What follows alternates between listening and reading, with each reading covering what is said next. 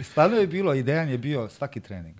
Znači nije e, Dejan i u teretani i napolje trčanje sa profom i tre, e, timski trening, individualni trening, on on je kao, kao, kao recimo moje iskustvo sa Novickim i sa, i sa Vendela Lexisom, ako se njega sjećaš, svi ti e, igrači vrhunski, znači oni propuštali trening nijedan nisu. Znači on je uvijek išao 100%.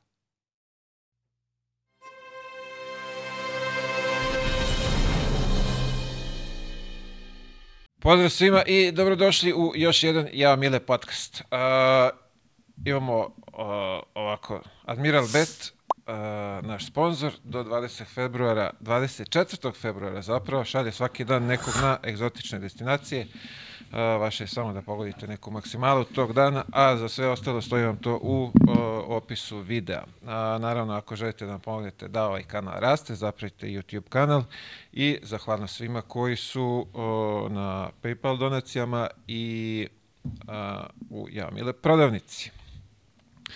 Danas imam gosta koji je kao igrač osvojio 11 titula, ako se ne varam, a kao funkcioner još pet. I ja mislim da si ti jedini ovde gost koji je u karijeri a, nastupao samo za pet klubova, ne? Marko Pešić je sa nama. Da. Vidi, moram da razmislim malo. Moguće, moguće, znači dva u Italiji, jedan u Grčkoj, dva u Njemačkoj, tačno pet. Ja ovako pet. gledam, rekao, čekaj, da li je moguće čovjek je u celoj karijeri igrao samo za pet klubova? Pošto znaš, kod ja, mene obično to je nešto. Ne, ne, ja sam rano i prestao, ja sam na 30. rođendan prestao da igram, tako da nisam imao baš o, prosječno dužu karijeru, znaš. Ali istina je pet klubova. Svaka čast. Mislim, pa, to je za pohvalu, pa, da. Dobro, pa, da, da, da. Većina mašta da, da završi u jednom, dva kluba, a na kraju se ispostavi to bude i, i po Puno. 15, da, 20, da. ali ti si sad bio pet. Malo I ono pet. kad sam malo razmotrio, ako ne sjećam se niko od gostiju da mi je bio samo pet klubova. Da, pet. Pet ukupno.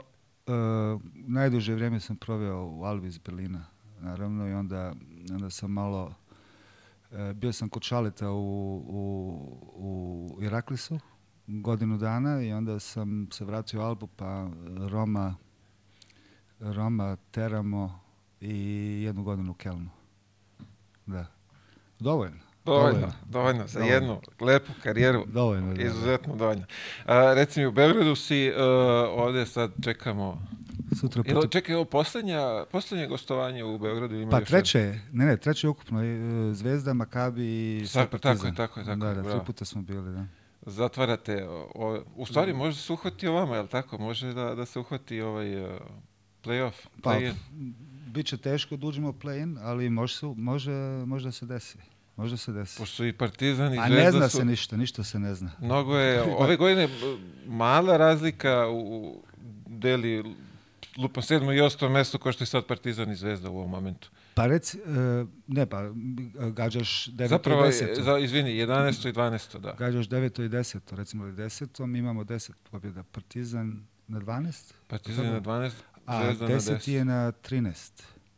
Ili tako nešto, ili 12. Tako da, biće, biće interesantno, posebno međusobni skor, ko će koliko, kako i tako dalje. Ima još da se igra.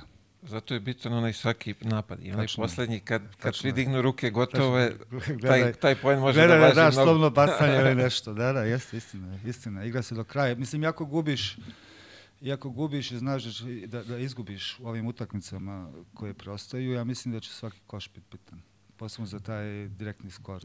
Mislim, u, sad ovi gore, lupam, prve tri su se izdvojile, ovo ostalo dole sve... Da, e, dosta, mislim, dosta interesantno. Ne znaš, šta, ne znaš šta će da se desi. Na primjer, eto, e, šta ja znam, mi utakmicu koju smo morali da dobijemo protiv Asfala izgubimo, Zvezda izgubi e, Asfal na isti isto. dan, ne u Berlinu.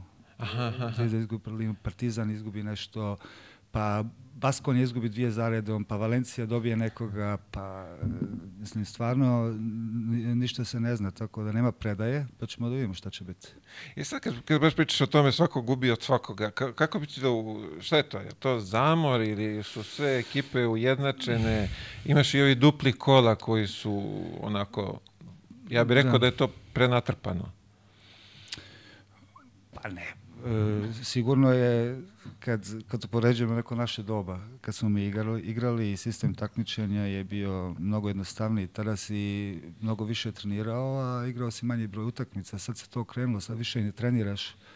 Treninzi su e, zamijenili te, te neke utakmice prije. Imaš, ako, ako pogodiš jedan, dva treninga u sedmici u kontaktu, um, svi se fataju za glavu kad igrači kažu imamo trening sa tejpom, onda nešto novo.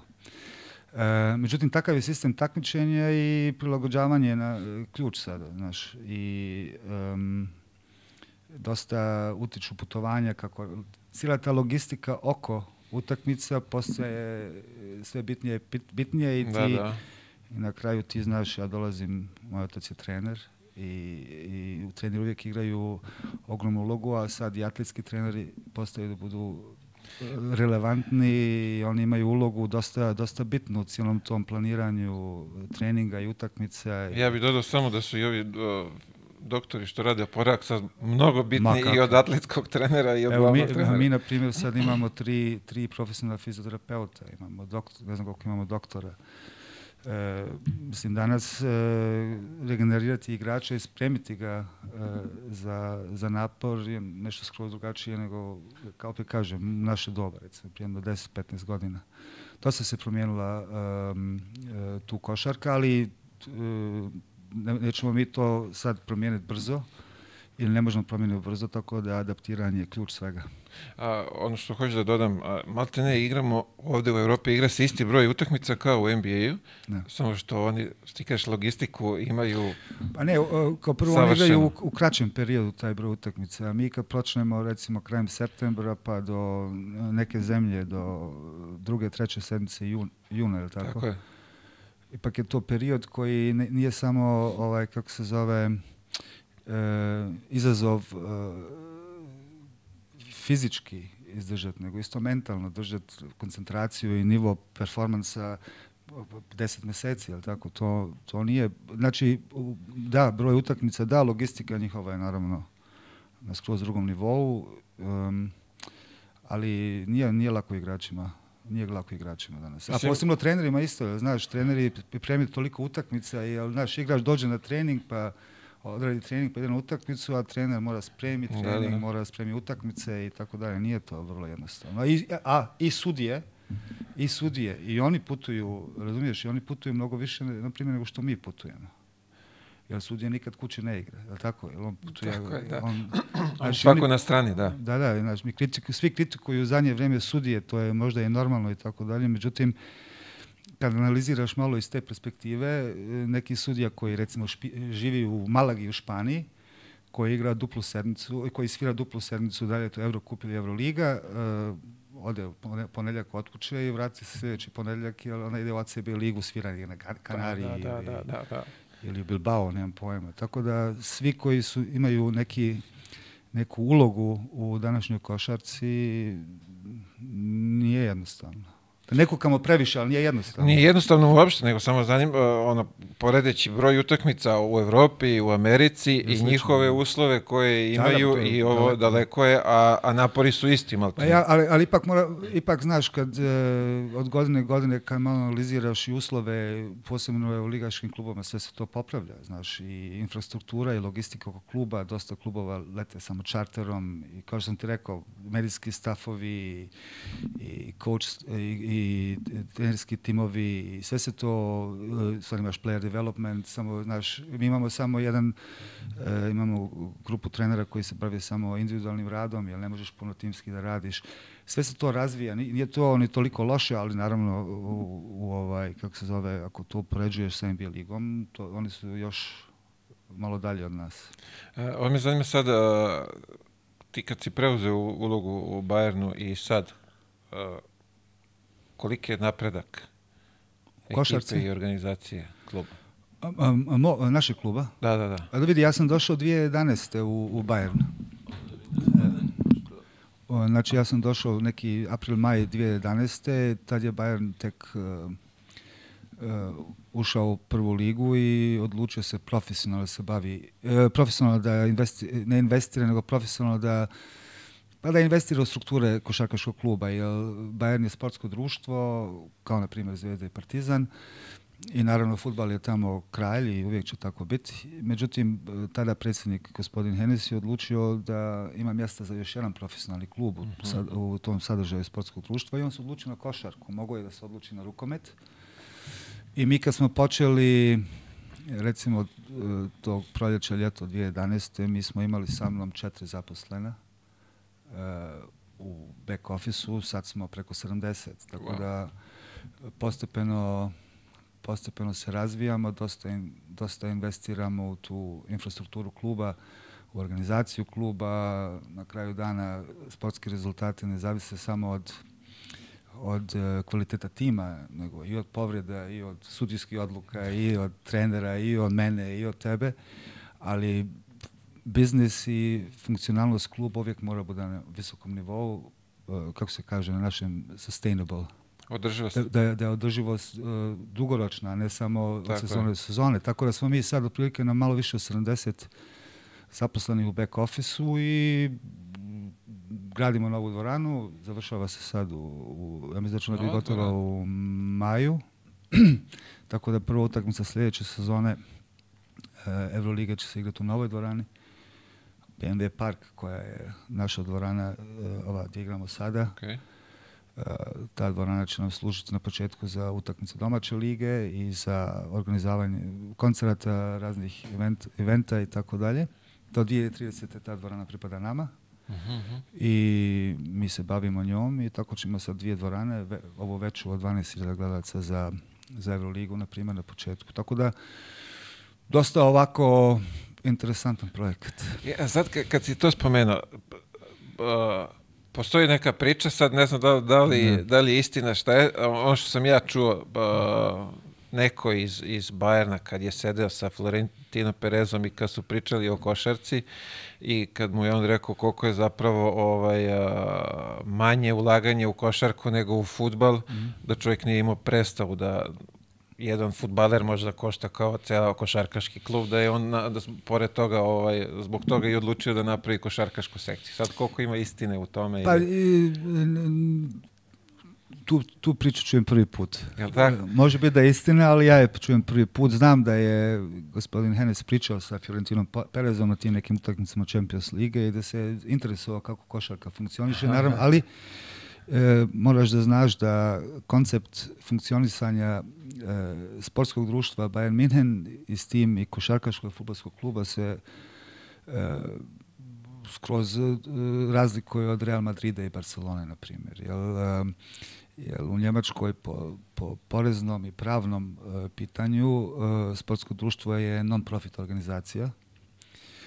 Bayern, e, Bayern danas e, je najveće sportsko društvo na svijetu, preko 320.000 članova koji plaćaju članarinu i, i praktično klub pripada e, tim, tim članovima.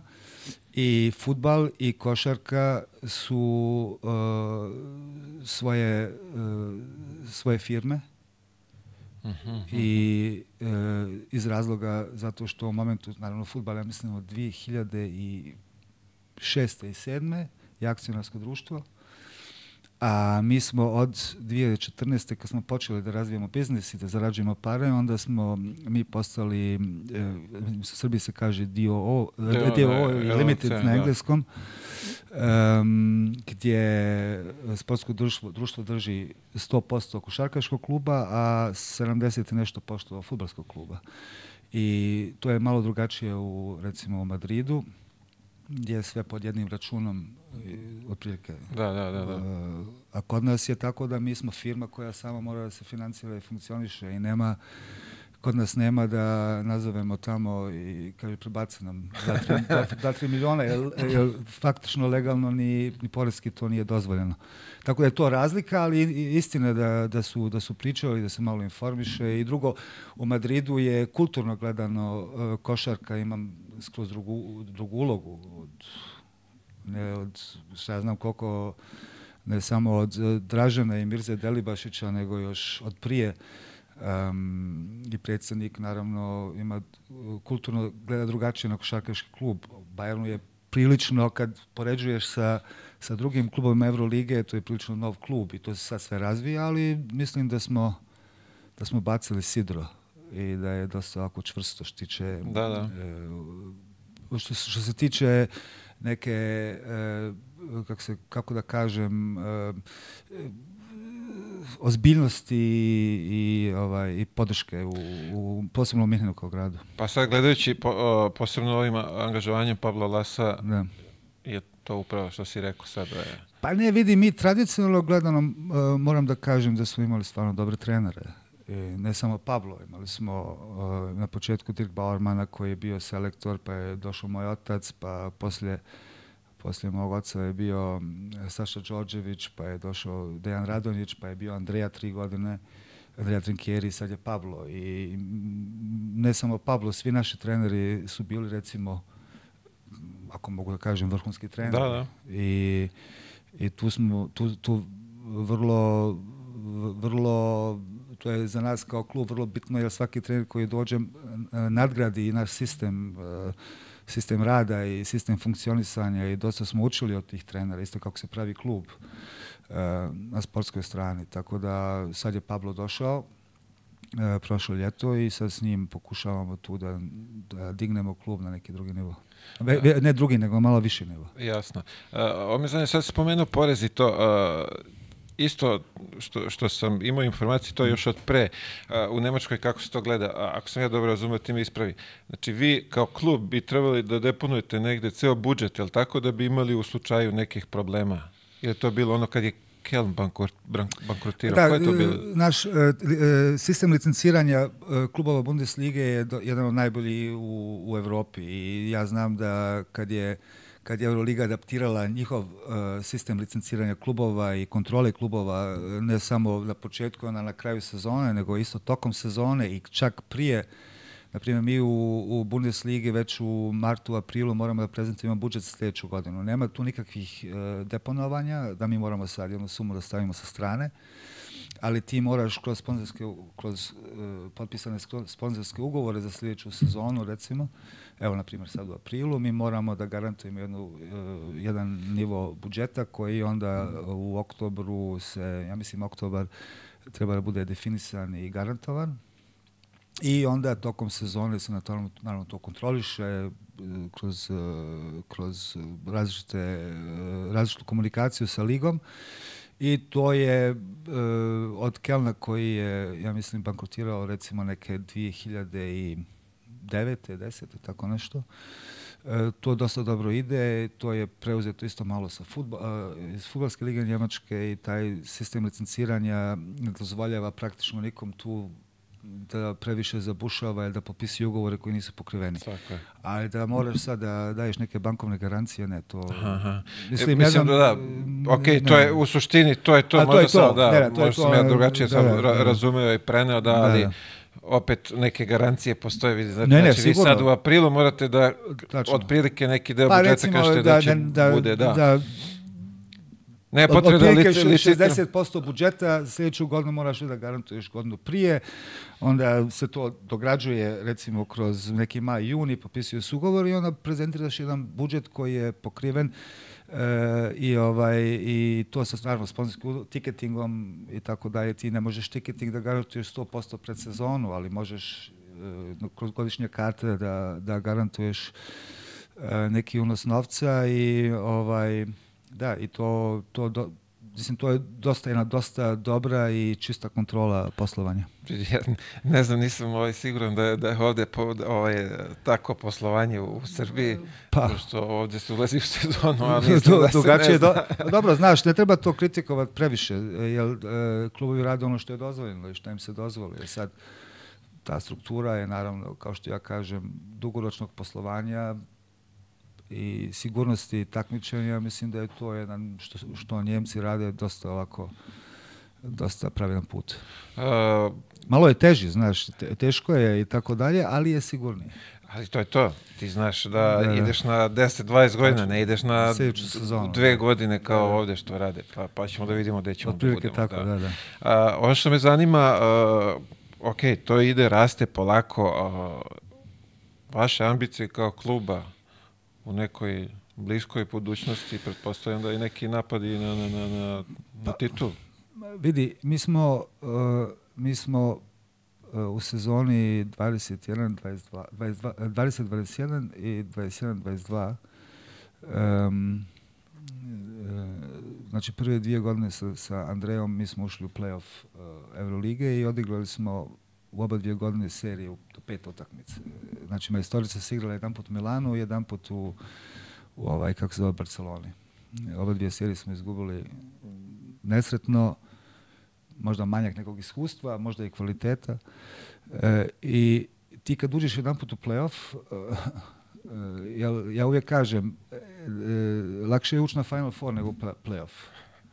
Očigledno je sezona od 34 utakmice izazovna plus domaća takmičenja. Sad imaš ekipe koje koji imaju malo lakše domaće takmičenje nego recimo mi u Njemačkoj ili Španci, čak Italijani, a Jaba Liga nije za, kao što se vidi, nije za, za namarici.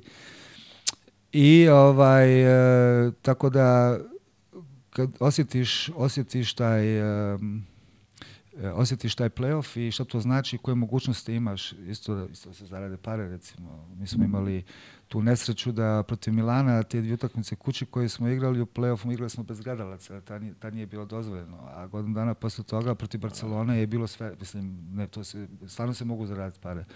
E, dobre, a i osjeti klub da šta je moguće. E sad, prošle godine smo nismo bili dovoljno dobri, ove godine eto borimo se, ali kad dođe nova dvorana, cilj treba da bude da se konstantno ulazi u playoff.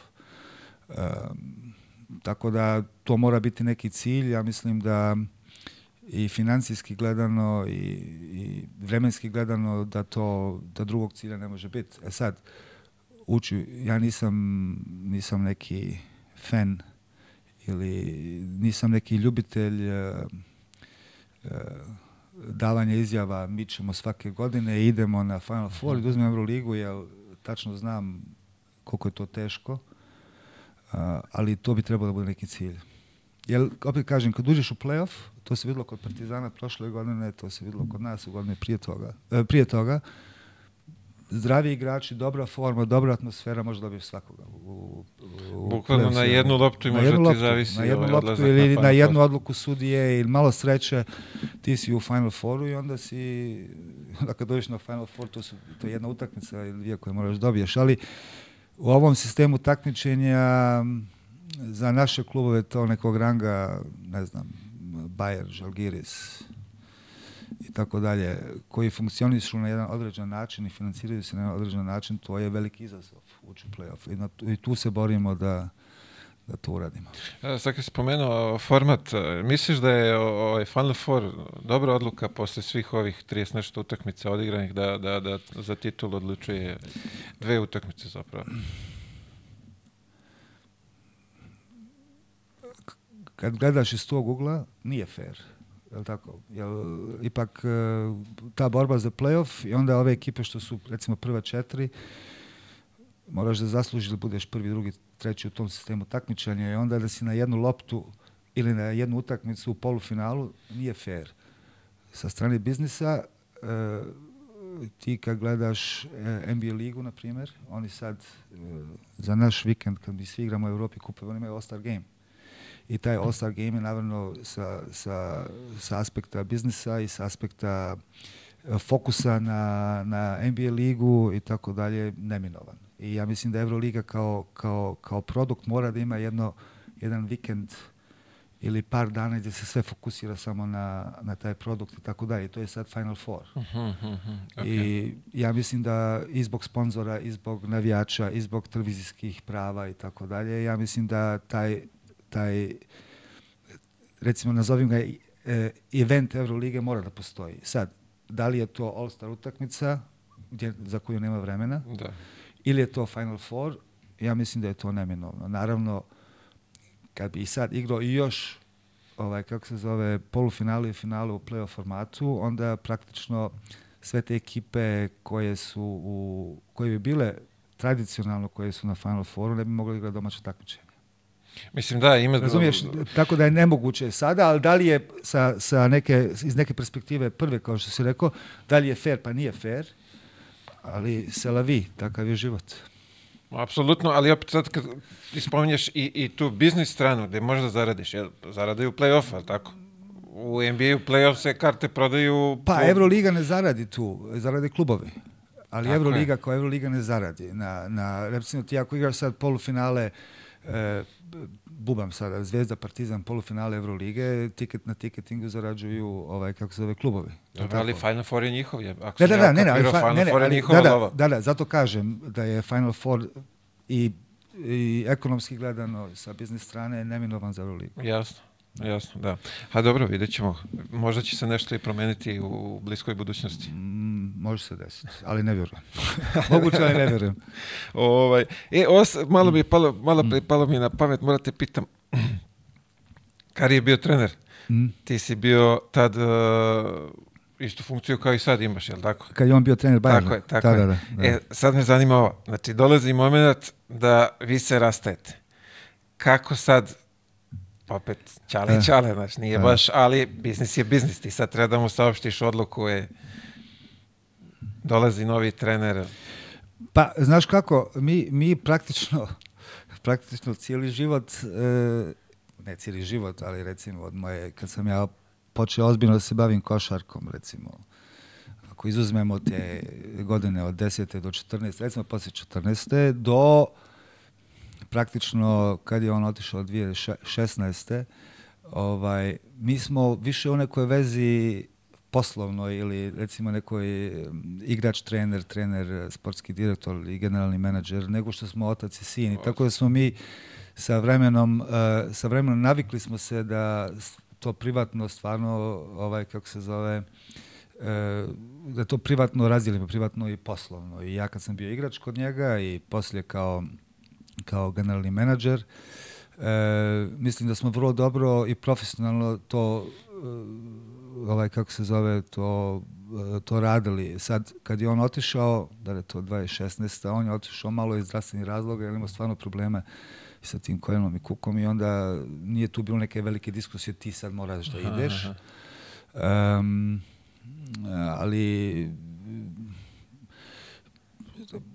vidi, ti radiš za Bayern München koji je institucija, ne samo njemačka, nego svjetska i odgovornost koju imaš prema tim ljudima koji su dali šansu, tu otac, sin, uloga, nema, nema tu, ne pije to vodu, razumiješ? I, i go- gospodin Enes koji je bio, koji je bio predsjednik kluba, on je imao, kad je bio generalni menadžer futbolskog kluba, on isto imao sličnu situaciju sa svojim bratom, Dieterom Hennesom, koji je igrao za njega dok je ovaj bio generalni menadžer. Tako da smo dosta, dosta tih e, e, njegovih, e, recimo, iskustava isto razmijenili smo se i dosta smo to otvoreno, o tome otvoreno razgovarali, ali e, moj otac kao trener je jedan profesionalac, ja sam bio profesionalan u svom poslu i nije bilo tu nikakvih e, komplikovanih e, razgovora. Ok, ok. Bilo je komplikovanih sezona dok smo ra- se, e, stvari dok smo radili, dok smo se svađali i, i ovaj, ne svađali, nego nego, jesi stigao za njega? Jesam. Eto, znaš kako Znam, je. zato ti pitam. zato ti pitam, znam kako to izgleda. Da, da. I sa ove druge strane. da, da. A, recimo jo, Partizan, Zvezda ove godine onako kubure, tu su, pa toplo, hladno. Kako ih ti vidiš? Znaš šta, ne živim, ja ne živim u Srbiji, nego živim eto, u Njemačkoj.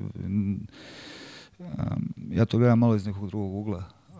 Očekivanja, očekivanja koja, uh, po, po mom subjektivnom mišljenju, znajući kako je meni sa mojim klubom uh, i kako mi to interno radimo i kakva je javnost u Njemačkoj, znači ne može se upoređuje. Je tako? Značaj uh, košarke ovdje u Srbiji i u Njemačkoj je drugačiji. Međutim, u jednom momentu pred sezonu ili početak sezone, po, mom, po mojoj nekoj subjektivnoj, subjektivnoj um, procjeni, očekivane su bile krajne nerealne.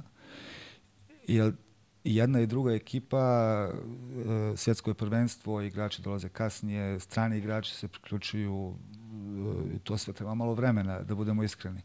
I uh, ja mislim da su, da su oni krenuli u sezone dosta nekim nerealnim očekivanjem, nekim pritiskom, mora se ovo, mora se ono. I gledajući na njihove rezultate, naravno tu se izgubila neka utakmica neočekivano, ali oni su još uvijek u trci za playoff. I ne moraš ti da budeš peti da bi ušao u playoff. Ti možeš budeš ove godine i deseti Tako je. da bi ušao, da bi, da bi imao šansu da igraš playoff. Tako da ja mislim da je još devet utakmica, je tako? Uh, 11. Koliko ima? 36, je li tako? E, ne, 34 utakmice. 34, Ja mislim da je još 11, devet, je li deset. tako? 9, izvini, 9 utakmica je, još da, ostalo da, da. i, i sve šanse su da se uđe u playoff.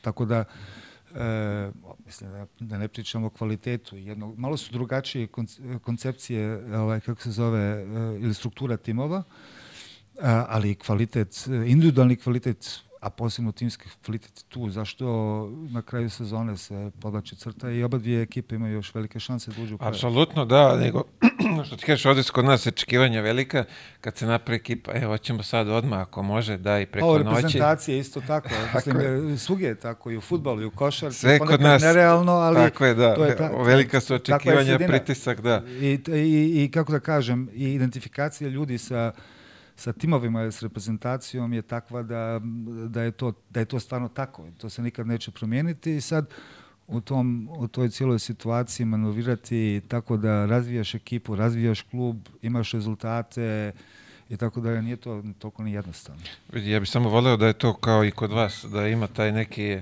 long term, da može da kaže, sve e, ovo radimo na, prednost, na narednih ali- 20 godina, ali ovdje kod nas od godine do godinu. Nažalost. Takva je sredina. Tako je. A, kako još e, ove magične brojke što prave Do, Dončić i Jokić u NBA? Vidi, baš sam neku noć imao diskusiju s nekim prijateljima oko toga. I, kao prvo, to što, do- to što ovaj, em, to što Jokić radi je, mislim, to je neopisivo, ali e, jel on, jel on e, e, nemam e, tu statistiku, ja mislim da on pro- propustio ni jednu utakmicu ove sezone. Mislim da jeste jedno. Jedno, ja recimo, mislim da je nešto bilo jedno. znači, da. on bez pauze igra utakmice. U, u sistemu takmičenja gdje svi ovi, recimo, koji su na nekom nivou njegovom, te zvijezde i tako dalje, oni to ne rade, nego oni pikaju ili ne pikaju, ili je load Kad će, management, ili neću ovdje da igram, hoću ovdje da igram. Međutim, on igra sve utakmice i igra na jednom nivou koji je, koji je stvarno nestvaran i to u trećoj, četvrtoj sezoni uzastopno, je tako? Tako da je on van svake konkurencije, ne samo način na koji daje on koševe i tako dalje. Mislim, on, on, sad, šta ću ja sada pričam o njemu? Ne, vidi, zanima me, ali- ok, ali- gore si u, u Nemačkoj, Da. si nisi ovdje, mi, Da, kao da, što da. sam znaš, sve to doživljamo naš je, pa je to sve, ali gore, ok, kako, Ne, ne, zanima me ka- kako se ovaj... Ne, Jokić, i, mislim, i, i ja, ja se sjećam za vrijeme Evropskog prvenstva u, ovaj, kako se zove, u, u Njemačkoj prije dvije, dvije godine. E, Srbija je igrala turnir neki u Hamburgu, prijateljski. Tam, ja sam bio iznenađen koliko ljudi stvarno e, prati Jokića kao Jokića. On tada je bio MVP e, lige, ali nije osvojio prvenstvo. Da, Ako prvenstvo bravo, osvojio bravo, bravo, sljedeće bravo. ljeto. Tako da on ima, ima znači nije on sad Lebron ili tako dalje, ali način kako on igra stvarno je tamo za, za Njemce koji prate NBA ligu impresivan. E sad, Luka, e, Luka je igra na jednoj poziciji koja tradicionalno gledano e, konkurencija je ogromna i na toj poziciji na kojoj on igra, on je klasični, on je playmaker, tako, point guard. E, takav performans sa takvim statistikama isto je nerealno. E, e, e, razumiješ? Isto je nerealno. I sad, e, u, u, znaš, kada je Dražan igrao, kada je Dražan igrao u svojim godinama u New, u New Jerseyu, e, i on je davao 20 i nešto koševa po utakmici i ti znaš koja je konkurencija tada bila na to. Znači uvijek je, i sad kad dođeš u Europu i neki mladi igrač tako dođe na, recimo, na tim pozicijama 1, 2, 3, u svim evroligaškim klubovima, manje više, tu je krem de la krem Evrolige, to su najjači igrači. I sad da, da se pojavi neki stranac tamo u NBA ligi ili neki mladi igrač, kao onda što se Dončić pojavio u, u Madridu, e, to je, e, e, to je stvarno... e, Pri tome znaš, je on- pri tome to nije... nije- i, e, mislim, svaka mu čast, što da kažem. Ja to tako malo gledam na toj poziciji na kojoj on igra, performans i, i statistike koje ima, to je ništa manje nego što Jokić radi. Ali, ali Jokić je osvojio. Tako je, ali to je to, Ali to je ta neka, osvojio, da. to je ta neka ta prevaga ili razlika koja je. A dobro, znači, ali možda ne- ne- baš, ima mnogo tamo kojih prave te brojke, ali Da. ta titula je mnogo bitna Dobro, ali, i ta, MVP. ali taj, koliko se ja, mislim, nisam ja sad nešto pratim NBA ligu, ali e, ta, ta, ta ekipa sa Jokićem, Joko, Jo- Jokić je rasla 3, 4, 5 godina. Oni su imali vremena da rastu, sad e, u Dallasu to nije baš tako. Oni stalno nešto mijenjaju, Tako je, pronalaze neko idealno. dođe, tako da nema tu to nekog kontinuiteta i stabilnosti, ali ako ostanu sad zajedno, možda sljedeće godine će oni imati šanse da osvoje. I skoro sam, ne znam s kim sam pričao, uh, sk- skoro je bilo. A, kao ja od njega očekujem tek možda za dve godine da, da napadne titulu. Može dok, biti. dok malo To još sam ja sazre. Da. Ne znam, ja mislim da je neko Ne mogu sad NBA Liga rekao. Da, da, ono kao još malo vremena mu treba da, da, da sazre i da ovi sazre oko njega da, Da, bi da. to moglo da, da, Da, da, da. iznese do, do E, titula. jel, jel on pra- praktično sada individualno dominira, a Jokić ne, prvo timski dominira sa ekipom koju ima oko sebe i onda individualno Tako je. ako je potrebno. I tu je, malo, tu je ta razlika. Možda, Ali malo, svakako- možda malo je iskustvo. Znaš, Moguće, iskustvo. da. A, ali svakako nam je drago da imamo Ma, kako dva čoveka odavde koji dominiraju tamo. Ponosni smo na njih. Ovaj, evo ako, više, imamo ovdje sad rubrikicu jednu kod mene, a, odrastanje, pa me zanima sad tvoje odrastanje kako izgleda.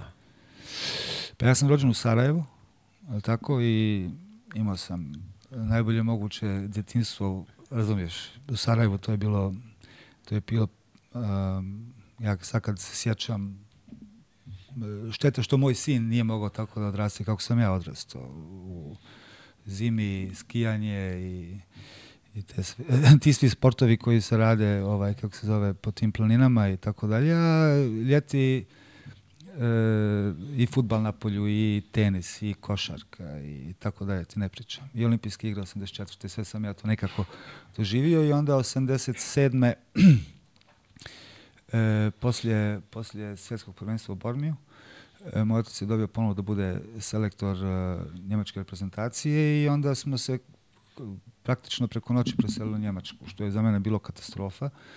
Nisam htio da Sarajeva, jel tako? I, em, I prijatelji, i raja, i društvo, i škola, bez e, riječi njemačkog jezika, apsolutno nisam imao pojma, za mene su bili švabe i partizani i uvijek treba budeš partizan, ćeš biti šva, razumiješ, biti švabo tamo, ono, e, i tako dalje.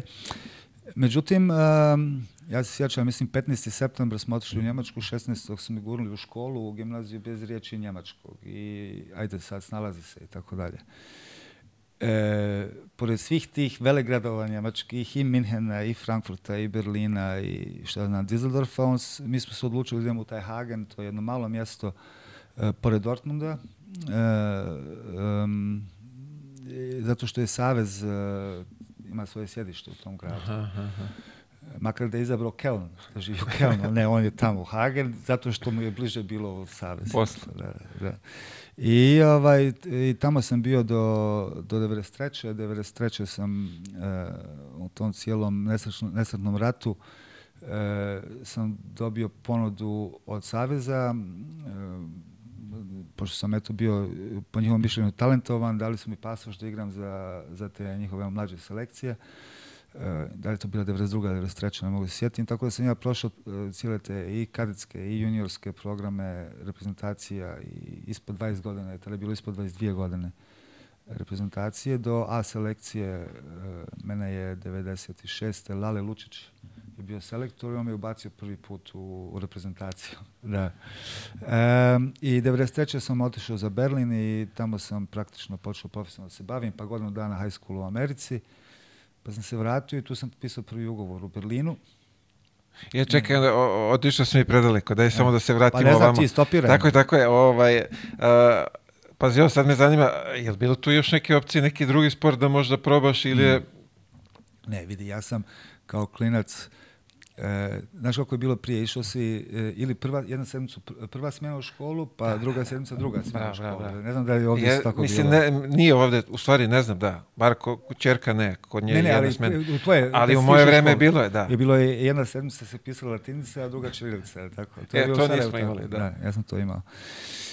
I e, neke 85. E, dolazi Cibona da igra protiv Bosne, a, a Pešić je bio trener e, Bosne i Sarajeva i sad potrebi se druga smjena u školi i mogu li, molim te, tako ne može, onda sam ja bježao iz škole u malu skendiru da gledam, ovaj, kako se zove, Dražana pokojnog. I um, koji je bio moj idol i dan danas je znači i Toni Kukoć i Bodiroga i svi te i Danilović i Saša Đorđević, ali Dražen je Dražen je Dražen. Dražen je Dražen, ali tako. I ja sam onda počeo, prije što smo mi krenuli, počeo sam da, da treniram u pionirima Bosne i ovaj, to mi je neispunjen san, jedan da odigram za Bosnu, da igram za Bosnu, znaš. I tu sam počeo da se bavim košarkom, osim što smo mi u ulici e, e, igrali i futbal i što ja znam, hokej na ledu, kako se to već igralo i tenis.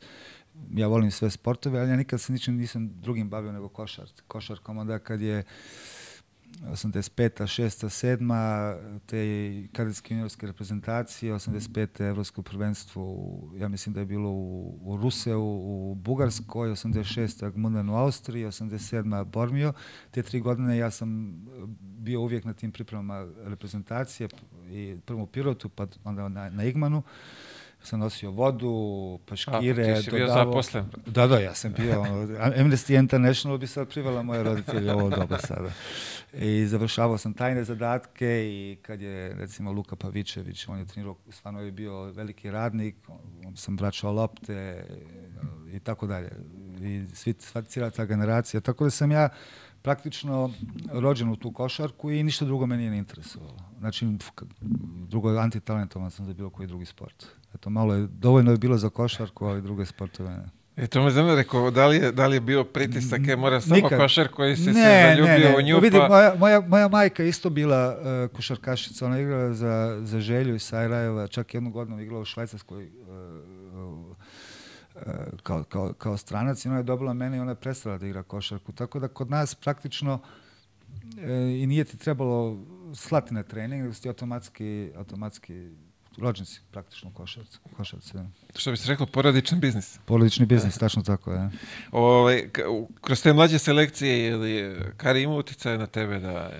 Ne, on, on praktično uh, nije ni dolazio na, niti na utakmice, ni na, niti na moje treninge, zato što jednostavno nisam, on je meni smetao e, majka je ta bila koja me i vozila i dovodila i odvodila i gurala i, i tako dalje. Ona je do, i na utakmice dolazila, ali on je ja sam ja nisam ni, znaš nije mi bilo e, kako da kažem nisam se komotno osjećao kad je on u dvorani i on sad da li on možda gledao neki trening ili ne ali ja e, ja nisam to ovaj ja nisam to želio. Um, kad, ja, ja sam se, orga, kako se ga, organizovanim, organizovanim košarkom se ja tek počeo baviti u Njemačkoj, što je meni, što je meni stvarno mnogo pomoglo i da naučim naučim jezik i socijalno da nađem prijatelje i stvarno sam imao veliku sreću s tim ljudima koji su me tako prihvatili i u školi i na, i na trening i u, u klubu tamo u Hagenu, ali on nije dolazio, niti se miješao i tako, niti on mene trenirao, uopšte nije, ne, ne, kažem, nije bio prisutan, to ne znači da on nije bio prisutan. Ja razumite, razumite, ali nije, da, nije. nije se miješao i, i niti, niti on mene nešto maltretirao tu, nimalo. A, ovo me sad zanima, znači sedite se za Nemačku, upadaš tamo u totalno nepoznato u sredinu, okruženje, da. Ko, koliko je stresno za tebe bilo da, da pa uđeš nije, u, u tako nešto? A vidi, novo? ti, e, znaš šta, ja uvijek... Ti sad imao, izvini, koliko? Deset godina. Deset godina, da. Deset, deset i pol godina kad smo otišli ovaj, u... u pa, pa znaš šta, e, kad dobiješ, kad dobiješ djecu, kad ostariš i sve što si stariji, više, više razumiješ.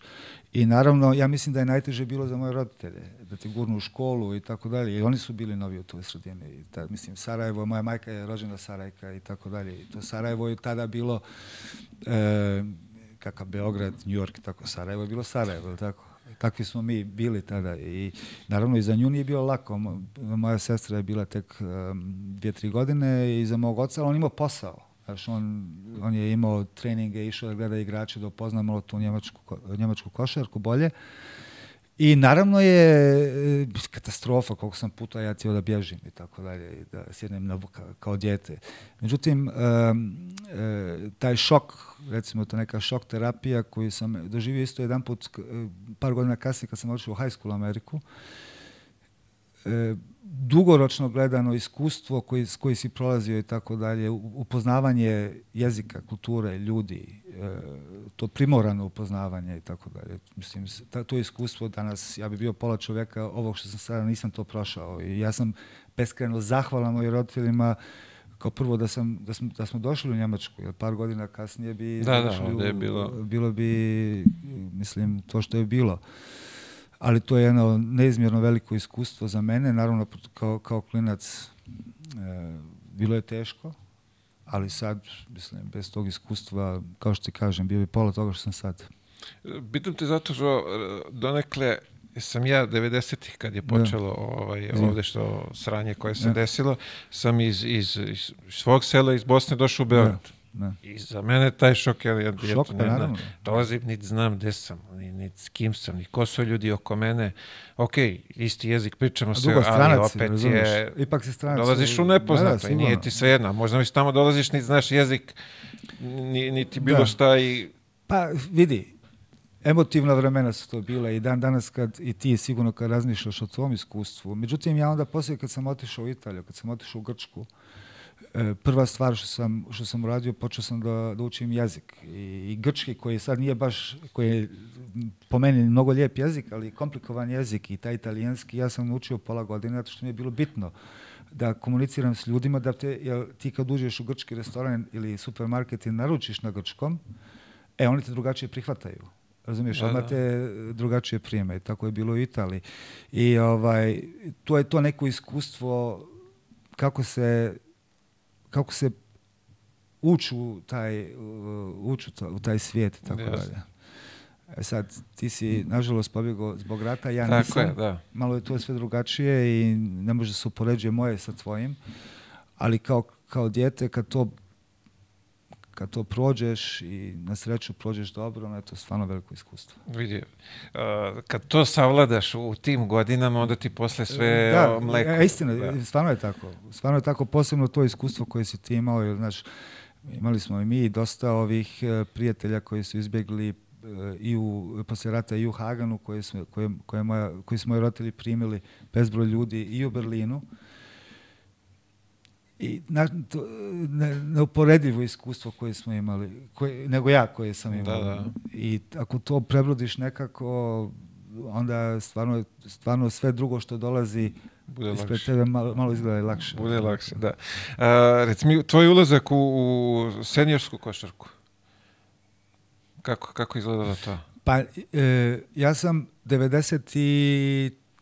94. ja mislim, ili 95. ne mogu se sjetim, potpisao prvi profesionalni ugovor sa Albom, a 96. sam odigrao prvu utakmicu za reprezentaciju Njemačke i naravno imao sam, imao sam sreću da, da pravila tada ukupno evropskoj košarci, košarci što se tiče stranaca je bilo skroz drugačije. Tada je bio jedan stranac, pa dva stranca i tek 98. je došao Bosman koji je otvorio i za evropske igrače. Tako da, pošto sam bio juniorski e, reprezentativac, ja to taj neki prospekt, i Alba, Alba je Berlina, iz Berlina imala stvarno sa em, Emirom Mutapčićem, ako ga se sjećaš, Da, da.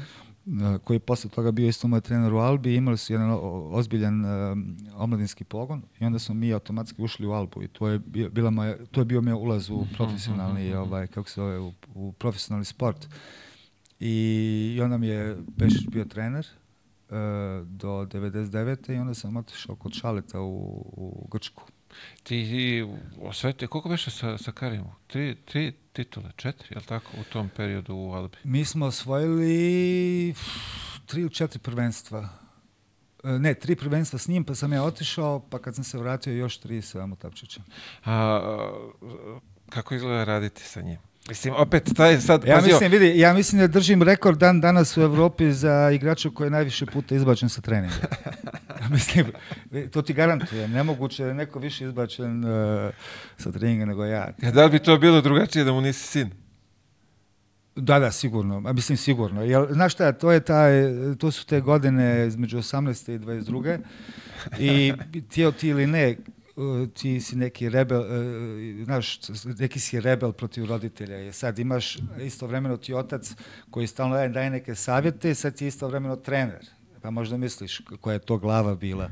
I ja uvijek kažem, danas kažem da sam ga više slušao, bio bi pet puta bolji igrač, međutim ja sam sve kontra radio i nisam bio disciplinovan i, i ovaj, nisam žao mi ga je, recimo, ako mogu da kažem, stvarno sam se ponašao kao u nekim situacijama kao idiot, međutim on mene je istrpio, istrpio me je klub, E, i stvarno su mi dali šansu, ovaj, kako se da, naravno smirio sam se e, s godinama, ali ja, ja nisam bio ovaj, baš tu ovaj, najdisciplinovaniji mislim, rađao sam jako kon, da, da se razumijemo, ali odgovarao sam, pa sam se svađao, pa zašto ovo, pa zašto ovo, ne, ne pitaj me. Mislim, mogu samo da zamislim, znači moraš da ga slušaš kući i onda dođeš na trening, pa ne, ne, to je još je... ja sam, ja, sam, uh, ja sam prilično brzo, ja sam u 17. sam se iselio.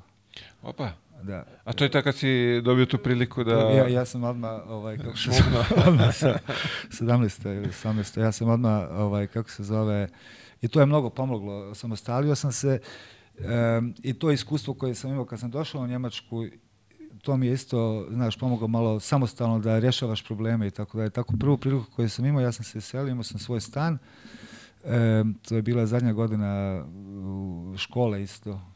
E, tako da se ovaj, nisam mnogo viđali kući, nego samo na treningu. na svu sreću moje majke koja je uvijek bila negdje u sredini. Ja, pazi, ja sad imao sam ovde ovaj, a, Dušana Šakotu, Da. gdje je njemu isto Da, da. Šale bio trener i, i mislim, otac mu bio i tre- trener i Da, da, da. otac i sve i baš sam ga pitao kako je sad to delo, znaš, ti si trener, ti je, ovdje su Da. ti saigrač s jedne strane, s druge strane otac, ti si tu negde između, Da. kako je bila tvoja situacija? Znaš šta, e, isti, prava istina ti je ta, ti možeš biti e, u toj konstelaciji sin trener. Znači ti možeš biti najbolji mogući igrač e, i on može biti najbolji mogući trener. E, od, odlučujući faktor u tome su saigrači. Jer ako te saigrači prime i respektuju i pomažu ti i razumiju da si ti dio ekipe zato što donosiš neke kvalitete i tako dalje, onda je sve lakše. Ako igrači kažu vidi ga ovaj indijanac tu je zbog oca, e, e, onda imaš problem. Ne samo ti, nego i otac ako ti je trener. E sad, kod, kod, uh, kod Šakote ovaj, stvarno bio Dušan je bio i dan danas neviđeno talentovan momak. I znam kakav je, jer kad sam ja bio u, u, u Iraklisu u Solunu, on je bio, nije, da kažem bio je klinac, ali e, nije on još počeo ozbiljno da se bavi košarkom i znam, znam mu karakter i znam koliko je bio posvećen košarci. E, I znam da je odličan momak. Tako da ako tebe tvoji saigrači prime, zato što vide da imaš kvalitet, ne samo igrački, nego isto ovaj, kao, kao, kao teammate kao saj, suigrač, onda sve probleme su, svi problemi se rešavaju. I tako da, ja sam imao sreću da sam stvarno imao sa igrače koji su bili fantastični, koji su mene primili i pomogli i tako dalje. Da to nisam imao, naravno, ne bi toliko dugo ostao Albi. Baš ono, je, je on kad mi je pričao i sad se setim, rekao, čekaj, ovo je ista situacija i tvoja. I, i, i on mi kaže, pa sad, ja sam sad tu između, znaš, šta će saigrač koji da kaže, ja Da, da, ću da nije. čujem, a ovo mi je otac, da li ću mu preneti, Tačno prenijeti, neću da, preneti, ja nikad u životu, je. ali vidi, ja sam kad sam bio uz tu reprezentaciju juniorsku kao, kao dijete nosio i tako dalje, e, o- i oni su mene testirali. Da li ću ja nešto da prenesem e, Pešiću i tako dalje. Međutim, ja nikad, apsolutno, apsolutno nikad ništa od njega nisam, e, ništa njemu nisam govorio, niti me on nikad ništa pitao. Znači, nikad on nije probao da kaže, ej, šta ste vi to sad u svačionici dogovarali ili zašto je ovaj tamo to uradio i tako dalje. Nikad on mene nije pitao, niti sam ja njemu ikad rekao. Ja mislim da je kod, kod Šakota isto tako. Ja ne vjerujem da je duša nikad Ne, on nešto... kaže, bukvalno, Ne, ne, se nikad. završe, basket se ne spominje Ne, ne, više. nikad, i, nikad, i ne. čak sednemo ono kući nešto isti kolima zajedno, pa kali, tu prestaje zvala. Znam to, to znam. Dok sam živio, pa kolima idemo zajedno trening. Ja. Ili poslije treninga. Ja, pazi, Kari je slovio i dan danas za, za strogog trenera. Kako je izgledalo tih, na tim, poč, aj kažemo, njegovi, njegovim u, Je. u Albi gore? Pa vidi, e, ja pravim razliku između zahtjevnog i strogog trenera. Ja mislim da je on prvenstveno bio zahtjevan e, trener i ako si zahtjevan trener to automatski sa sobom vuče da, da, da traži disciplinu i da, Da, ti da. moraš biti disciplinovan. E, na kraju, moje iskustvo s njim je to što ja mogu da kažem, ali to je opet vrlo subjektivno i da se ne razumije pogrešno. Ja mislim da je on dosta, to što sam ja vidio njega i u jednoj i u funkciji kao igrač i u funkciji kao general menadžer kluba, kad sam radio s njim, da je on, jes- da je on, da je on dosta fair uh, se po- ponašao prema igračima i šanse davao i tako dalje. Tako da i da nije pravio velike razlike između šta ja znam, da li je to sad Bodiroga ili Fenerling. Ba- makar to je moje neko iskustvo. Posle šta je, kako je bilo u reprezentaciji sad i u drugim klubama ne mogu da kažem. E, tako da jeste on, ako hoćeš da kažeš, bio strog, ja mislim da je prije bio zahtjevan i da ovi koji su to ispratili nikad nisu imali problema. I da ovi koji su uvijek pokušavali da da traže neko izgovore zašto ovo ne može ili ovo ne može, e, ti su imali s njim problema. E, kao ja, na primjer, na početku, dok sam razumio, ovaj, dok mi je došlo iz, iz dupeta u glavu. E, e, tako da, mm, više bi ja rekao da, Mile, da je on bio zahtjevan nego, nego strogi i neko ko je gajio tu neku vojničku disciplinu. To nisam živio. Ja, okej, dobro, Mislim, da, ti možda sam ja pogrešno i profu, ovaj, formulisao pitanja, ali da, ok, ne. slažem se, slažem se, da, to je to. A, pazi, o, ti 99. 99. ali tako, odlaziš. Da, To je tvoj prvi inostrani angažman. Da, sa dvije, s dvije godine. I znaš šta je interesantno bilo? Ja sam u to vrijeme, imao sam odličnu ponudu iz Italije. I ovaj, i, i Aca Rašković mi je bio tada menadžer. Aha, aha. Um, I kaže on meni, Marko, slušaj, e, znaš, još si mlad i tako dalje, daj da ne skačemo previše, daj korak. Prvo, znaš, ono, jedan korak prije ima tu opcija i Raklisu. I Raklis je tada potpisao Byron Dinkinsa. Ne znam da se njega sjećaš. Ne. Byron Dinkins je bio, op, on je bio ovaj, e, igrač Panathinaikosa, playmaker jedan, igra, igrač Panathinaikosa i mm, bio je, ja mislim, kod Dude Ivkovića u Panjoniosu, dalje sa Paspaljem, ne, ne mogu da se sjetim, ali njegova prva sezona u Europi je bila moja prva sezona u prvom timu Hagena, kad sam imao 15-16 godina, 16, 15 godina i on je bio ovaj, prva, prva njegova godina, googlaj ga kad budeš imao vremena, Ok, Byron Dinkins, ok, to je jedan neviđen da. playmaker, neviđen playmaker bio. Um, I on je došao i Buck Johnson, sjećaš se Buck Johnsona? ja, e, sjećam, Buck da. Johnson je bio drugi stranac. Razumiješ? I sad sam ja znao Byrona i on kaže meni, slušaj, ja mislim da bi to bilo dobro i tako dalje. Obavim ja razgovor sa Šaletom, koga ja obožavam, stvarno. Ja mislim da je on neviđen košarkaški stručnjak. Zna s njim o košarci priča, druga finska liga, Čovjek e, e, backup, backup e, centar koji je, on će, on će najvratnije, on će najvratnije da zna tu, tu informaciju. Stvarno je, e, i, i vidi, i kažem ja, ok, neki problema, međutim, em, ko su grčki igrači, razumiješ, imate Grka, koje su ovi, ko su oni, ma kaj ne brini se ti, samo ti dođi i tako da. Dolazim ja, slušaj, dolazim ja ko ovca zadnja, na poziciji dva, znači moja pozicija 2, 1, 1, 2, uh, Hacivretas. E, si- e, sjećaš se? Sjećam, kako ne. E, Hacivretas koji, ovaj, kako se zove, on ako se spusti ispod 25, da li to bio kup sa porte te godine ili Grčka liga, šta, kaj, šta mu je ili bolestan. On je bio neviđen. Ja, a ja ga tada nisam, znaš, ja, Papa Lukas je moje, moja generacija, otprilike tu smo generacija, ja sam znao Papa Lukasa, znao sam recimo Rencijasa i tako dalje, to, to je ta neka moja generacija, ali, ali niko se nisam znao. I ja se pojavljujem, šta je ovo, ja uopće gledam, neviđen igrač. je. Kaj- kako nemaš, neviđen igrač. I Grk, Grk još, razumiješ? I drugo, ko konj radi. Znači, on je cijeli dan bio u dvorani i tako dalje. Em, e, onda, e, Diamantidis, prva godina od, od, od Micosa. Gluposti. da. E, onda e, e, e, Papadopoulos, Lazar.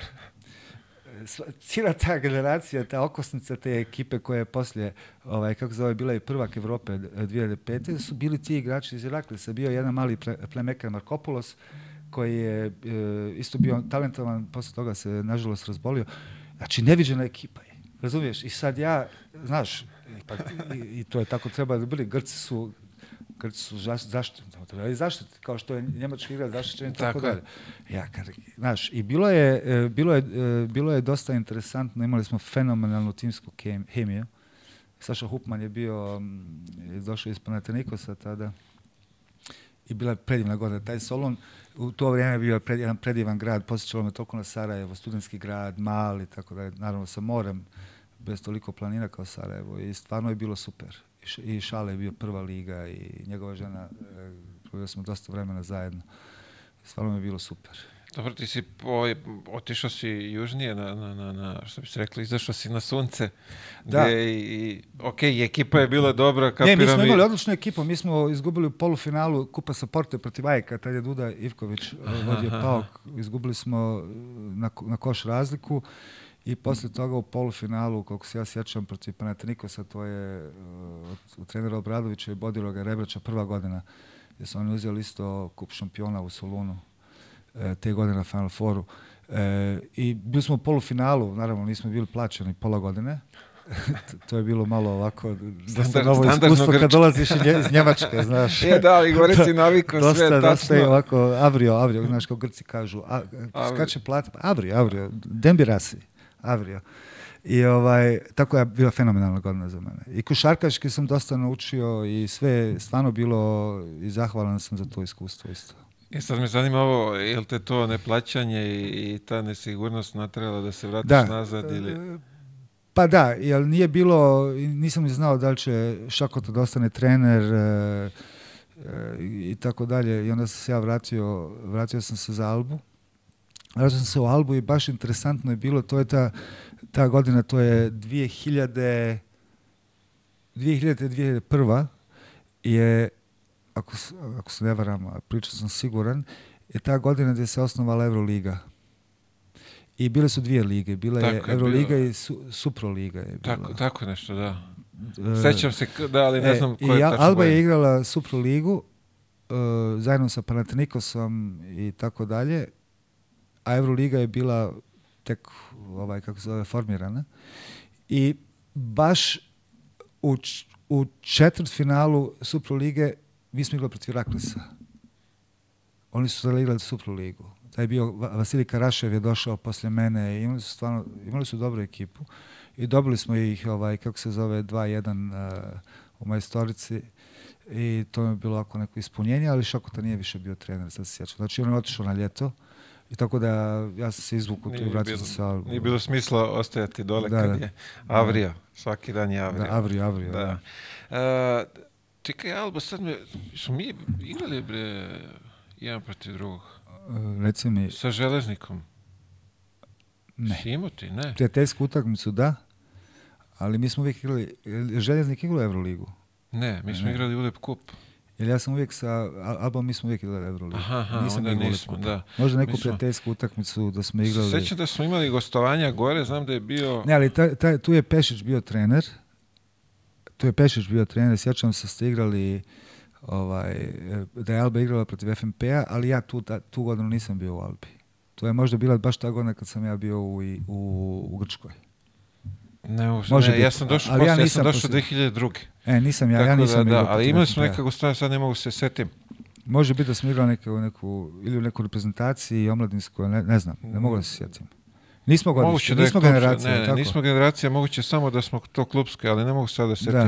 da, Da, da, smo ba, uhvatili smo Bon, uh, uhvatili smo onaj uh, Opel Skyliner. da, da, ali nismo, mi, da, ja nisam, nismo, ja da, nisam, nismo imali priliku. ne. Uh, imao si još jedan izlet u, od ovih inostranstva, Italija, Rim. Znaš kako, uh, Rim, um, ja sam uh, uh, 2005. Uh, sezona četvrta, peta, ja sam otišao u Keln i otišli smo tamo, uzeli smo titulu, sa Sašom sam igrao, sa Sašom Obradovićem. To je bila Sašina zadnja godina. I već u tom momentu, kad se ta sezona završila, ja sam već razmišljao, ovaj, znaš, menja se košarka, menjaju se odnosi, glupo se sad, samo pare, ovo ono. I ovaj, ja sam praktično planirao da odigram Evropsko prvenstvo 2005. Mhm, mhm. I nisam cijelo potpisao ni ugovor. I onda sam ja otišao na pripreme reprezentacije, pa je bilo Evropsko prvenstvo u, u Vršcu, pa onda u Beogradu. E, I završi se to Evropsko prvenstvo, mi smo izgubili protiv Grka u finalu. Moj sin se rodio, Luka se rodio baš to ljeto. I ovaj, nek, nisam imao baš, da ti kažem, nisam neka, nešto mi je fala neka motivacija, ne znam, ne mogu da ti opišem. Ne mogu tačno da ti kažem šta je bilo i znao sam da ovaj da, da neću dugo još igrati. I onda, Aha, aha. e, mislim, ja, koliko, 29, 28, 29 godina, mislim. Ali ja sam sebi upisao u momentu kad budem išao samo na trening da bi ispunjavao ugovor, ja ću da prestanem. I desi se sljedeće da je Pešić bio trener u Rimu i, ovaj, i Profa Karalejić je bio sa njim u Rimu, koji je moj praktično trener atletski, koji me napravio, Da, da. s kojim s kojim ja cijelu karijeru radio i onda ja odem u Rim da s njim malo treniram i da ostanem u nekoj formi. Oni su već počeli sezonu i desi se da desi se da je Roma u tom momentu imala dvije, tri povrede na vanjskim pozicijama, a ja kao kao igrač sa njemačkim pasošom, znaš, imao sam... e, Ono, Bosma, kako već, Da, ta ne, Bosma, evropsko. komunitario, kako Da. oni zovu.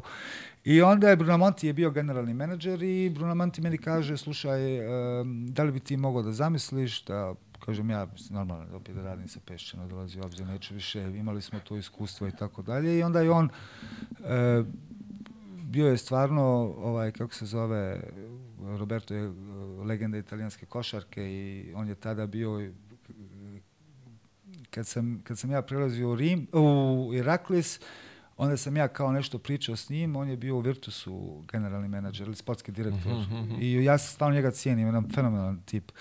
I on je stvarno bio, ja se onda vratio za Berlin uh, i on je bio persistentan, ajde ovo, ono, i, je, i na, nagovori me i je potpišem ja i, za, i razlog zbog čega je htio sam da igram sa Bodirogom.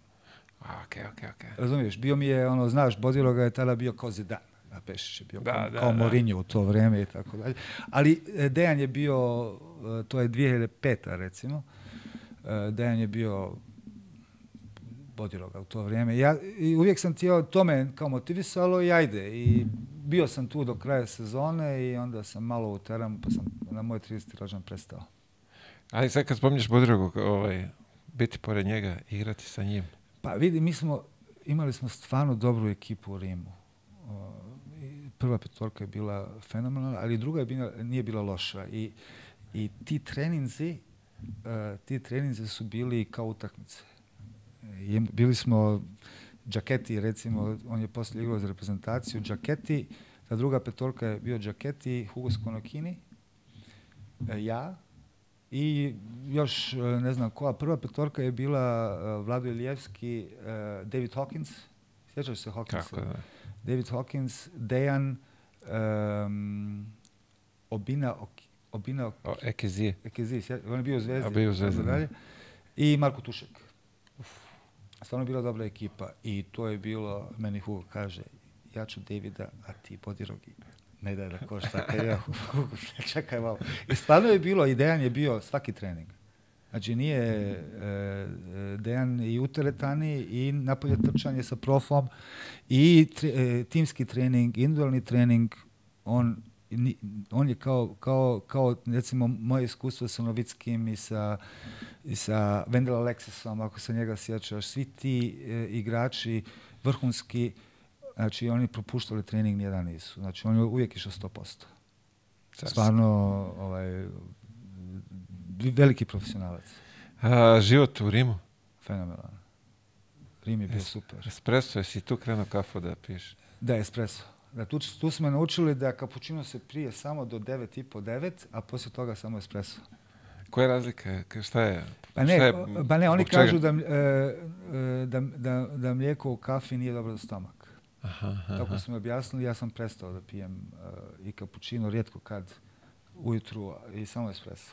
Dobro, tamo da edukujemo i u publiku da zna kad... Da, da. Ovo- Mislim, tako su meni objasnili da, da. i to mi je, ima, znaš, tamo ta pjaca Navona u Pariolu da sam ja, e, ja mislim pjaca Navona, je bilo dosta naših ljudi e, su živjeli tamo i, ovaj, i oni su me naučili kao, da pričamo da ćemo pred, pred Tako e, je, da. pred- e, znači bez mlijeka, kafa bez mlijeka. uvijek. Ja sam na, na, na makijatu i onda mi je, to je malo.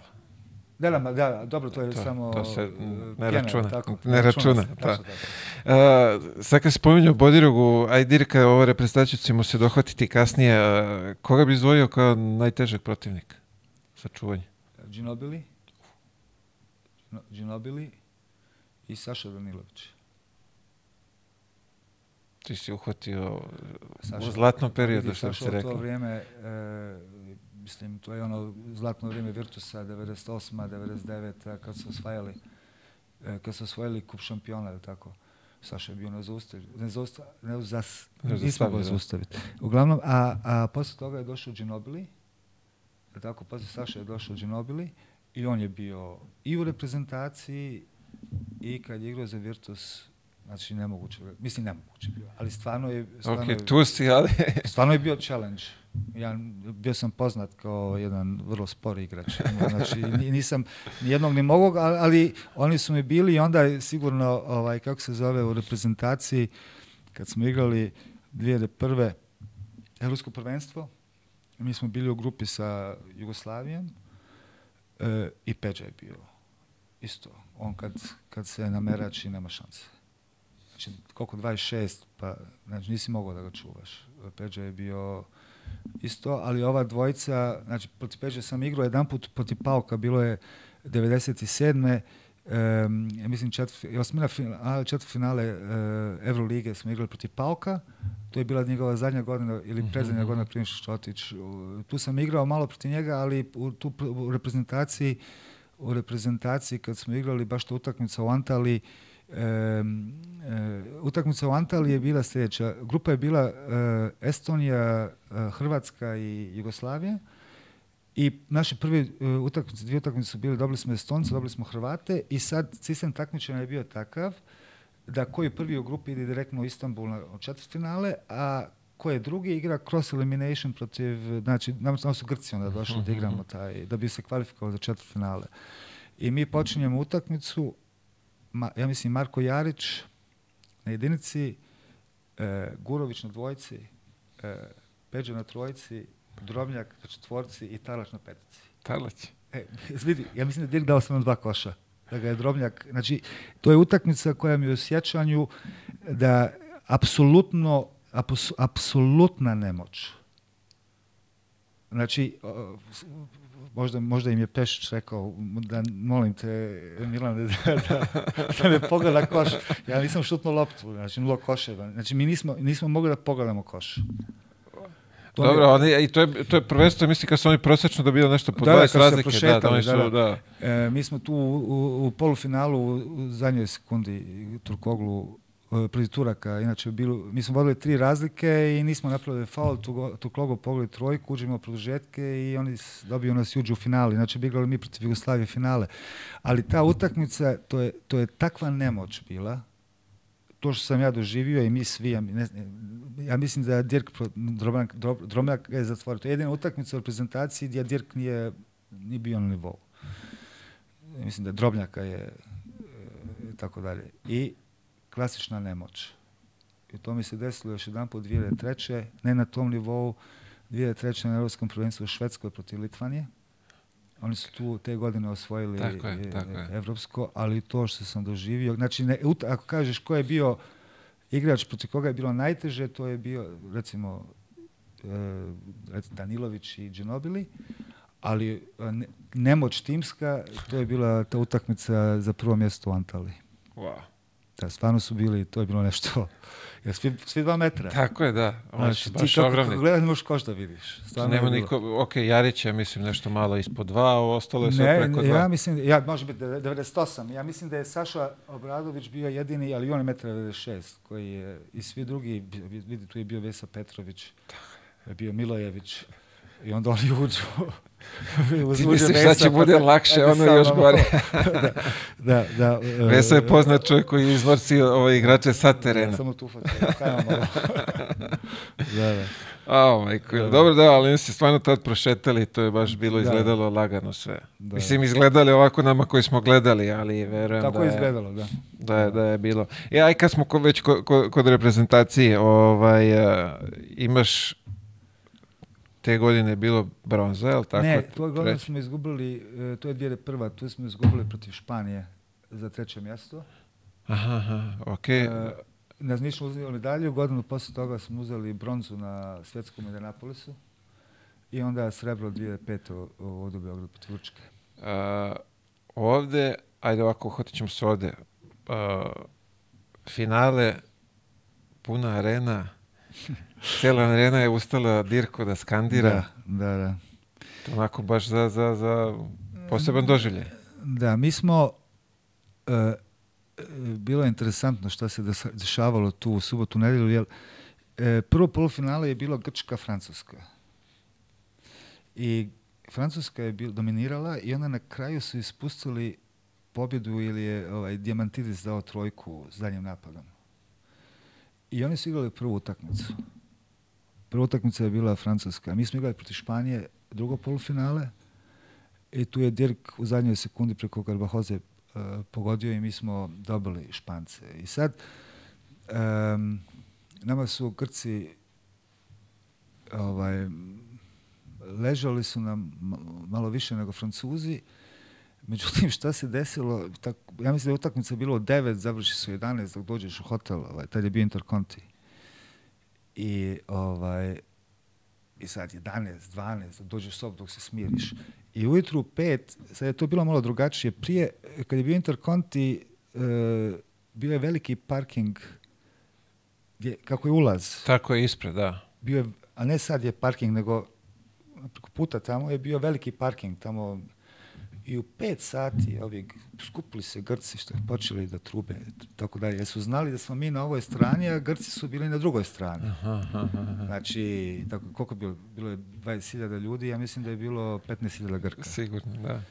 I Či krenula je, od rane zore krenula ovaj igranka. Maltretiranje. Znači, mi da smo igrali još jednu utakmicu ne bi imali šanse.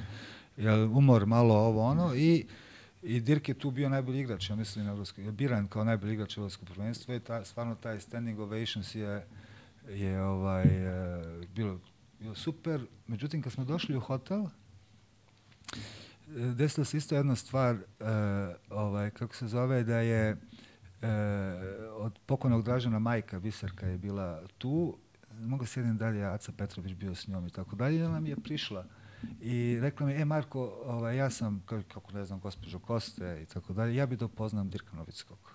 I mi u lift gore i ja ga da, volim sobu, e, kucam u sobu, Dirk otvore, kažem, Dirk, ovo je, ovo je majka od, od Dražana, eto tijela da tu pozna, kaže on, ona, ona, ne, ovaj suze očima, Dirk, da, da. A mi wow. svi, i, i sad ona njemu objašnjava kako je ona, ko je ona i tako dalje, da ga je gledala, da ga je posjećala na, da je Dirk nju posjećao na Dražana i kako su ljudi reagovali na njega i da mu se zahvali i da mu čestite i tako dalje. To isto wow. bio uh, stvarno jedan izuzetan Dijeli moment, da. Da, da. Wow. A, ja Dirka, ono, uh, sreo sam ga, to je bila reprezentacija svetskog prvenstva 2006. U Japanu, Japan, tako da. je. Ovaj, nismo imali prilike da igramo, ali ono, samo nekako kad ga vidiš, deluje ti evo, superstar.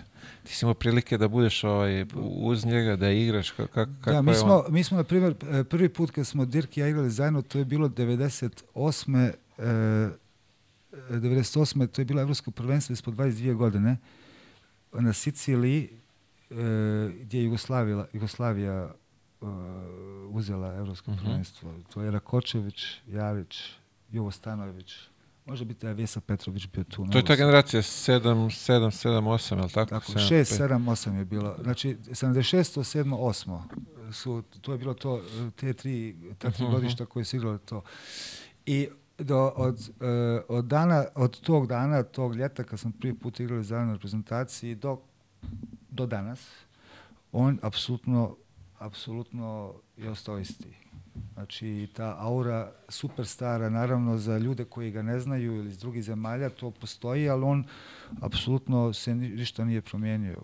On je e, naravno vrhunski igrač i ogromno veliki radnik, ali ovako međusobno e, imamo e, ta generacija dvije, dvije druge, imamo svoj chat na Whatsappu i stalno se dopisujemo i on dopisuje, interesuje se i tako dalje. Tako da, jedan vrhunski tip stvarno.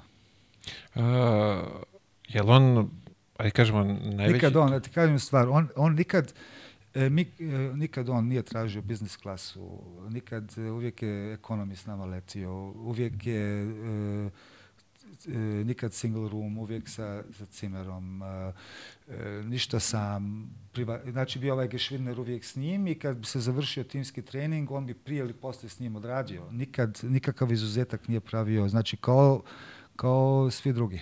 Jasno. Iako da. je mogao da se razumije. Da, da, da, da. I ima je, mislim... Da, ja se sjećam 2005. kad smo bili, bili u Vršcu, tad smo igrali protiv Turske i tamo u Turskoj bio Mirsad, oku, oku, ovaj Okur, uh, Hidajet i tako dalje. Svi nešto privatno su imali, a on ne. On je uvijek bio s nama u autobusu, s nama u avionu, s nama na treningu, s nama na večeri, nikakvu razliku nije pravio. Ovo, to je taj.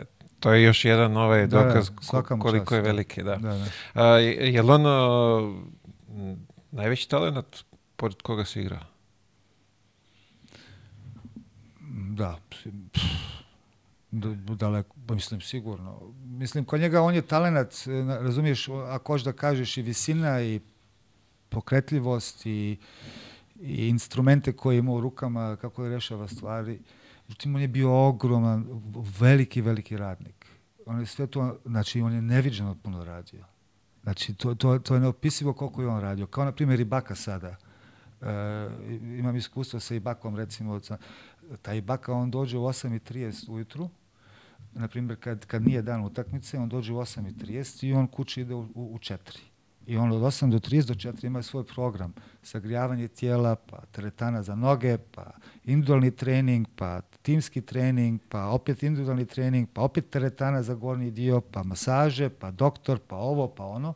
E, i ti, e, i, i, i ti tipovi igrača očigledno, ovaj, kako se zove, e, pored, znači ne možeš ti upoređuješ sada i Baku i Novickog što se tiče talenta a što tiče kvantiteta rada i da. posvećenosti, to je to.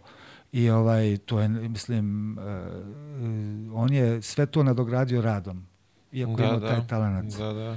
I ja to, mislim, da, kako, on je jedan od najboljih 20 igrača svih vremena NBA ligi, sigurno, 25 ili biran je 50, ne znam koliko, ali on je napravio revoluciju na toj poziciji. On i Duncan, recimo, tako da je daleko, mislim, on je sigurno van uh, svake konkurencije. Wow, svaka čast. Mislim, i ovo i za ja, Ibaku mi je isto zanimljiv podatak. Ne, Ibaka, i, slušaj, Ibaka, Ibaka kad je došao, on nikakve uslove nije postavljao, osim e, koliko imate fizioterapeuta, e, kakvi su uslovi za, za, za rad, e, trenažna dvorana, kakva je teretana, e, da li može da se organizuje da ima e privatnog kuhara, da mu uh, ima on taj diet plan i tako mhm. dalje, ne da klub plaća, on će da plaća, da mu se to sve organizuje, da ima, da ima vozača, jer hoće da se odmori dok vozi, ne želi da vozi, to sve on, naravno, wow. to sve on preuzima, ali uh, ja, razumiješ, sad kad, kad ga vidiš, i kad vidiš kako on izgleda u godinama kojim jeste i kako igra, mo, razumiješ, ima razlog zbog čega. Da, da, da, da, da, apsolutno. I to je stvarno za svaku pohvalu. Za svaku pohvalu, da. Svaka čast. A to vidi, opet bez te posvećenosti nema Ma, rezultata. Da, ti, ti vrhunski igrači da, sigurno. Da, da, to je to. To je da. to. Uh, reci mi ovo, kad si počeo da razmišljaš o kraju karijere? Vidi, ja sam uh, baš te godine kad sam bio u Rimu, ja sam, uh, odlučio sam se da počnem taj, te online studije. Ne da bi završio diplomu, nego Znaš, mi kao, kao sportisti imamo to praktično znanje sporta, znaš, pa znaš kako funkcioniše sport, na relaciji igrač-trener, trener-igrač, pa eto ponekad sa generalnim menadžerom, pa ovo ono, pa se počeli pojavljati agenti, pa kako to se... Znači to praktično znanje imaš, međutim šta nemaš, nemaš teoretsko znanje u smislu kako funkcioniše marketing, kako funkcioniše menadžment uopšte, šta je bitno, ima li tu neka formula koja, koju treba da znaš i tako dalje. Onda sam ja počeo da studiram da studiram uh, sportski menadžment online, već u u Rimu kad sam znao da, da, da neću dugo još da igram i onda sam to završio i onda kad sam završio karijeru pojavi se E, to je možda jedna od najboljih ideja koje je Euroliga imala. E, taj, e, to se tada zvalo Masmakom University u, u, u, u, u Veneciji u kooperaciji Univerziteta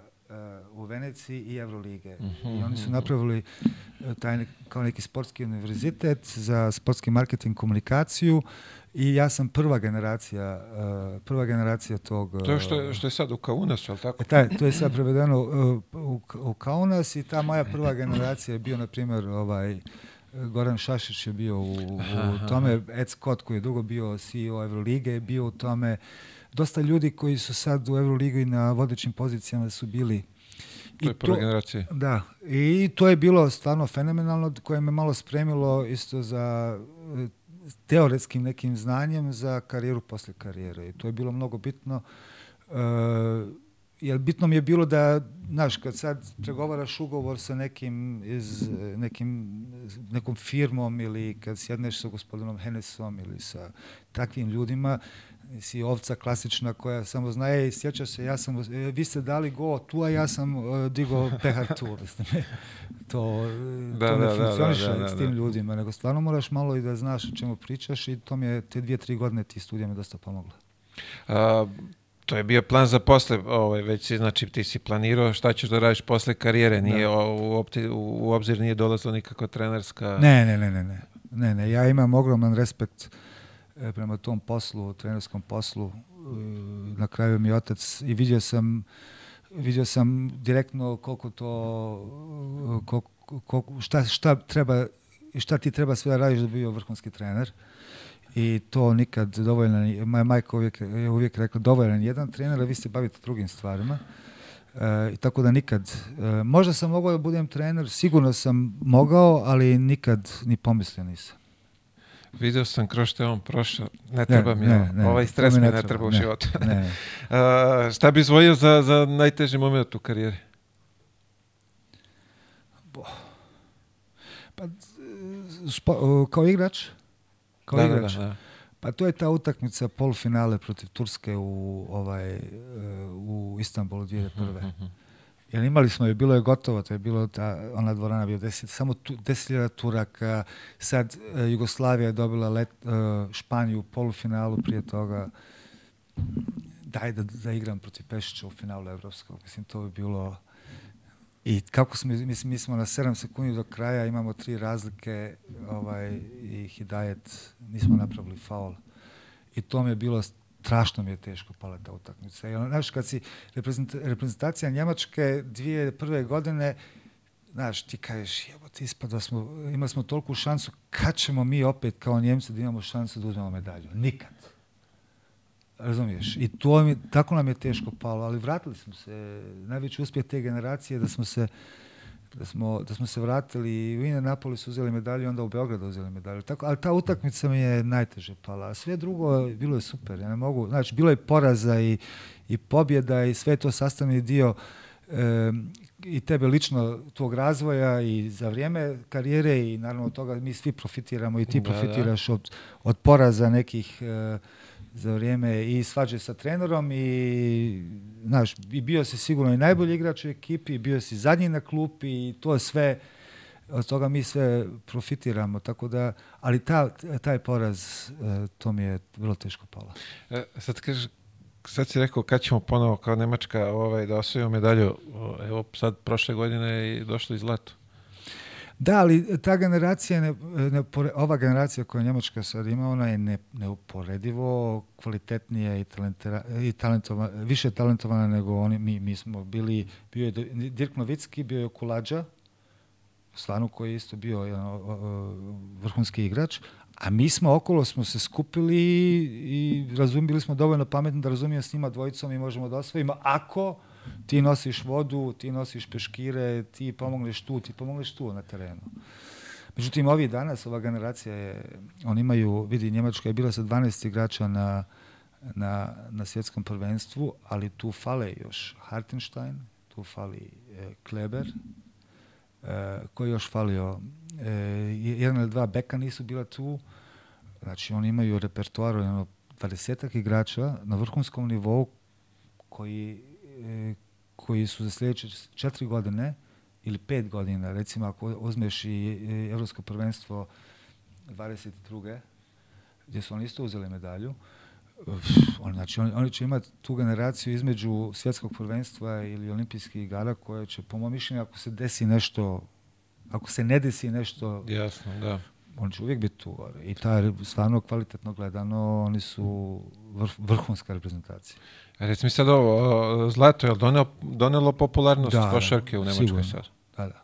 Posebno kod nas u Minhenu, uh, jer ljudi stvarno vole košarku, mi imamo tri reprezentativca, Obst, uh, Bonga i Gifaj i stvarno vidi se veliki um, kod nas u dvorani, praktično skoro sve utakmice su nam rasprodate. To, to se u Minhenu nikad nije videlo. Ipak je Minhen futbalski grad, znaš. I uvijek će ostati, ali izgleda i da je sad svjetsko prvenstvo i ta nova dvorana koja se gradi, da nas je e, malo centrirala u tom gradu i da ljudi stvarno ogromna podrška nama, a posebno recimo Obst. Obst je nije Schweinsteiger još, Da, da, da, stvarno ali ima, izrastao. stva- stvarno, stvarno ga ljudi vole tamo, da. Divno, svaka čast. E, viš ovde, imam sad uh, dva pitanja još. Uh, ajde ovako, daj nam prvo savjet za mlade. Za koga? Za mlade, mlade igrače, mladi naraštaj koji dolazi. E vidi sad, ima, e, ima razloga da me pitaš za nekog koji je, koji je u Njemačkoj ili nekog koji je u... Pa za ovo ovde na ovdje. naše područje. A vidi, ja, e, ja mogu da kažem ono što ja nisam dobro radio, a što ja nisam dobro radio, nisam dobro slušao trenere. I ja mislim da, e, da kvalitet trenera u omladinskim tim selekcijama ili e, u Srbiji je nemerljivo veći nego recimo u Njemačkoj. I empatija trenera prema košarci i kvantitet trenera koji se bave u tim selekcijama, ne možeš da upoređuješ najvjerovatnije možda sa Španijom i mm, autoritet, e, autoritet trenera i e, odgovornost trenera koji on ima prema, prema mladim igračima e, možda je malo poljuljan u, u neko zadnje vrijeme. I ovaj, možda kroz nas roditelje koji se miješamo i tako dalje. Ali poljuljan je malo. I ja mislim da em, ja mislim da mladi, mladi igrači moraju da imaju uh, neku, neku orijentaciju svemu tome, a to, je, to će uvijek biti trener. I respekt prema treneru, i kao respekt prema učitelju ili profesoru u školi. E, ja mislim da, da je to da to svaki mladi, svaka, svaka mlada osoba koja se razvija da nešto završi, uradi, dobije i tako dalje, ili učitelj u školi ili ovaj kako se zove ili trener, trener da li to bilo odbojka bilo šta. Apsolutno. Znači to mora bude respekt respekt persona, mora bude trener ili učitelj. I ja mislim da da je to nešto što je eminentno eminentno važno za svakog mladog sportistu koji će se baviti sportom. Jasno. Uh, I najteže pitanje za kraj, uh, petorku sa igrača. Vidi, pošto ti odrastao u Nemačkoj, svi, svi su manje S više... kojim sam ja igrao? Tako je, kojim tvojih ja sa igrao. igrača, da, iz karijere. Da. Uh, vidi ovako na poziciji jedan moram da uzmem Sašu Obradovića. Opa, bravo. moram Saleta da uzmem. I, igrao sam s njim i u Albi i u ovaj kako se zove i u ovaj i u Albi i u Kelnu. I uh,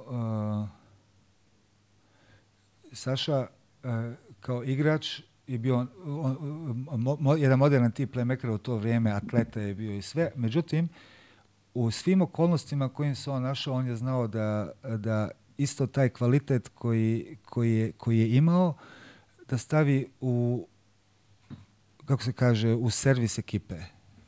Znači, i u reprezentaciji i tako dalje. U reprezentaciji on bio igrač zadatka, recimo, iza Saše Đorđevića, odbrbeni igrač i tako dalje, mada je on individualno bio neviđan kvalitet. Apsolutno. Mislim, e, naš Saša. Recimo, Saša na jedinici, na trojci e, Bodiroga, na četvorci Alexis, Wendel Alexis, Okay. na petici Novicki.